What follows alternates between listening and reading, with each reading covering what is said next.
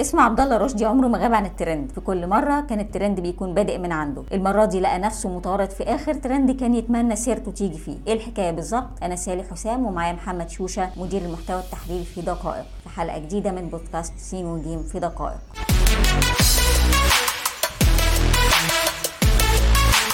إيه اللي حصل بالظبط؟ يوم الاربعاء 17 أغسطس 2022 كلنا فوجئنا ب post نازل على ال social media لست اسمها جيهان صادق أو زي ما ظهر اسم الحساب جي جي جي جي قالت إنها عراقية عايشة في دولة أوروبية وإنها بدأت تتواصل مع الداعية المصري عبد الله رشدي عن طريق account ه على الفيسبوك عشان تطلب منه الفتوى. بعدين اتعدد التواصل لحد ما تطور لشكل ما من أشكال العلاقات.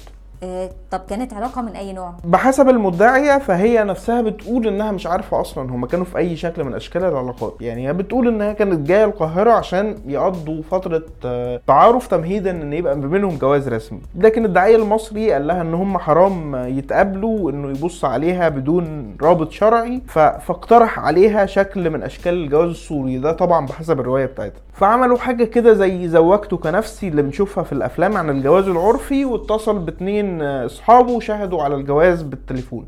هو في أصلا شهادة بالتليفون؟ هي بتقول إن الموضوع كان كده كده أصلا مفروض يبقى سوري فما كانش فيه تركيز عليه قوي يعني. وكمان هي سألت الشيخ عبد الله شخصيا فقال لها إنه يجوز شرعا. وبما إنها أصلا إحنا قلنا إن هي كانت تواصلت معاه أصلا طلب للفتوى فهي يعني وهي معتبراه مصدر للفتوى. فالشيخ عبد الله أفتها بإنه يجوز فهو يجوز. وكمان الراجل اتصل باتنين مشايخ المفروض من أساتذة جامعة الأزهر وقالوا خلاص هم موافقين على الموضوع يعني فهي اعتبرته إن هو تمام يعني. طالما واثقة فيه للدرجة دي ليه طلعت تعلن الموضوع؟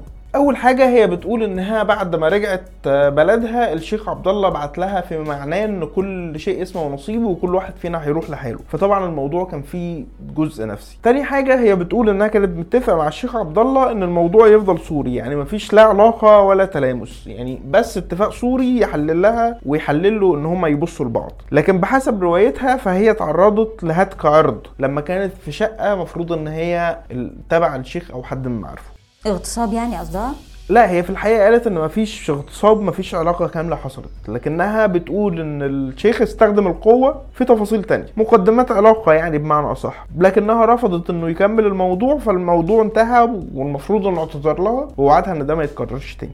قبل ما نعدي من النقطة دي في سؤال مهم. طالما في نية جواز كان ليه محتاج عقد سوري أصلا عشان يشوفها؟ لو هنتكلم عن المذاهب الفقهية يعني لا فما فيش الشرط ده. كل المذاهب بلا استثناء أجازت للخاطب إن هو يبص للبنت اللي هو عايز يخطبها. حصل خلاف ما بينهم بس على هو يبص لحد فين. فمثلا آه، يعني المالكيه والشافعية أجازوا إن هو يبص للوجه والإيدين ال- أبو حنيفة زود الرجلين ال- الحنابلة زودوا الرقبة ولحد بين قوسين مواضع اللحم عند الأوزاعي لحد ما ظهر منها وما بطن في رواية ابن حزم. طب والشيخ عبد الله كان رأيه إيه في الموضوع ده؟ الشيخ عبد الله بيقول إن هو ملوش دعوة بالموضوع ده من اوله لآخره. بيقول إن هو أصلا ما يعرفش الست وإن كل اللي حصل ده يعني افتراء باعتبار إحنا طبعا عارفين إن الراجل شغال قصاف جبهات للملاحده وأعداء الأزهر والحوارات دي فهو بيقول إن الموضوع كله مفترى عليه عشان بيحاولوا يشوهوا صورته كمان واحد من الاسمين اللي جهان استشهدت بيهم في الرواية بتاعتها قالوا إن ده ما حصلش وحتى كمان هدد إن هو ياخد إجراءات قانونية ضدها وضد أي حد يجيب سيرته في الموضوع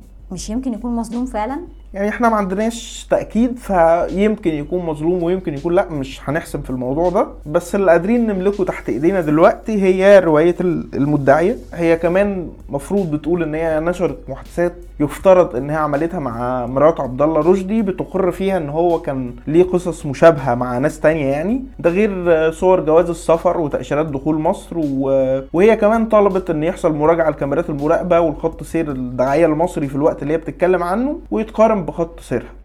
هنا إحنا قدام معركتين. ال- الأولى هتدور على ال social media ودي هتفضل شغالة لفترة طويلة. ال- المعركة الثانية هتبقى المعركة القانونية لما المفروض إن الشيخ عبد الله والشهود اللي هم اسمهم آه، ورد حددوا إن هم ياخدوا إجراءات قانونية. فبالتالي لو ده حصل وده يعني منتظرين إنه يحصل أو نتمنى إنه يحصل عشان نعرف الحقيقة يعني. فلما ده يحصل المفروض إن هو هيبقى فيه تتبع لكاميرات المراقبة والخطوط السير والإتصالات الصادرة والوارده وغيرها. وقتها بس هنقدر نعرف إيه اللي حصل بالظبط. طب وانت متوقع إيه؟ يعني خلينا ما نسبقش الأحداث بس هو كان في حاجة واحدة لفتت نظري في الموضوع ده هو كان سؤال صغير لكنه أنا بالنسبة لي مهم. ليه يعني مرات عبد الله رشدي اسمها اتقال في جزء مهم جدا عن إنها عارفة إن هو عمل الموضوع ده أكتر من مرة؟ فليه ما اتكلمتش لحد دلوقتي؟ يعني ليه لا نفت ولا أكدت ولا ظهرت تماما يعني؟ أعتقد إنها يعني عندها خط مهم جدا في التأكيد أو نفي الرواية وحتى كمان إخواته كانوا المفروض إن هي المدعية قالت إن هي راحت لهم وكلمتهم وهم قالوا إن إحنا ما نعرفكيش ولا نعرف حاجة عن الموضوع ده. يعني حتى ما طلعوش يدعموا رواية عبد الله رشدي ولا يقولوا إن الموضوع ده مفترى عليه. فالموضوع يعني لسه في لبس كده. خلينا نستنى شوية لغاية ما التفاصيل تبان أكتر.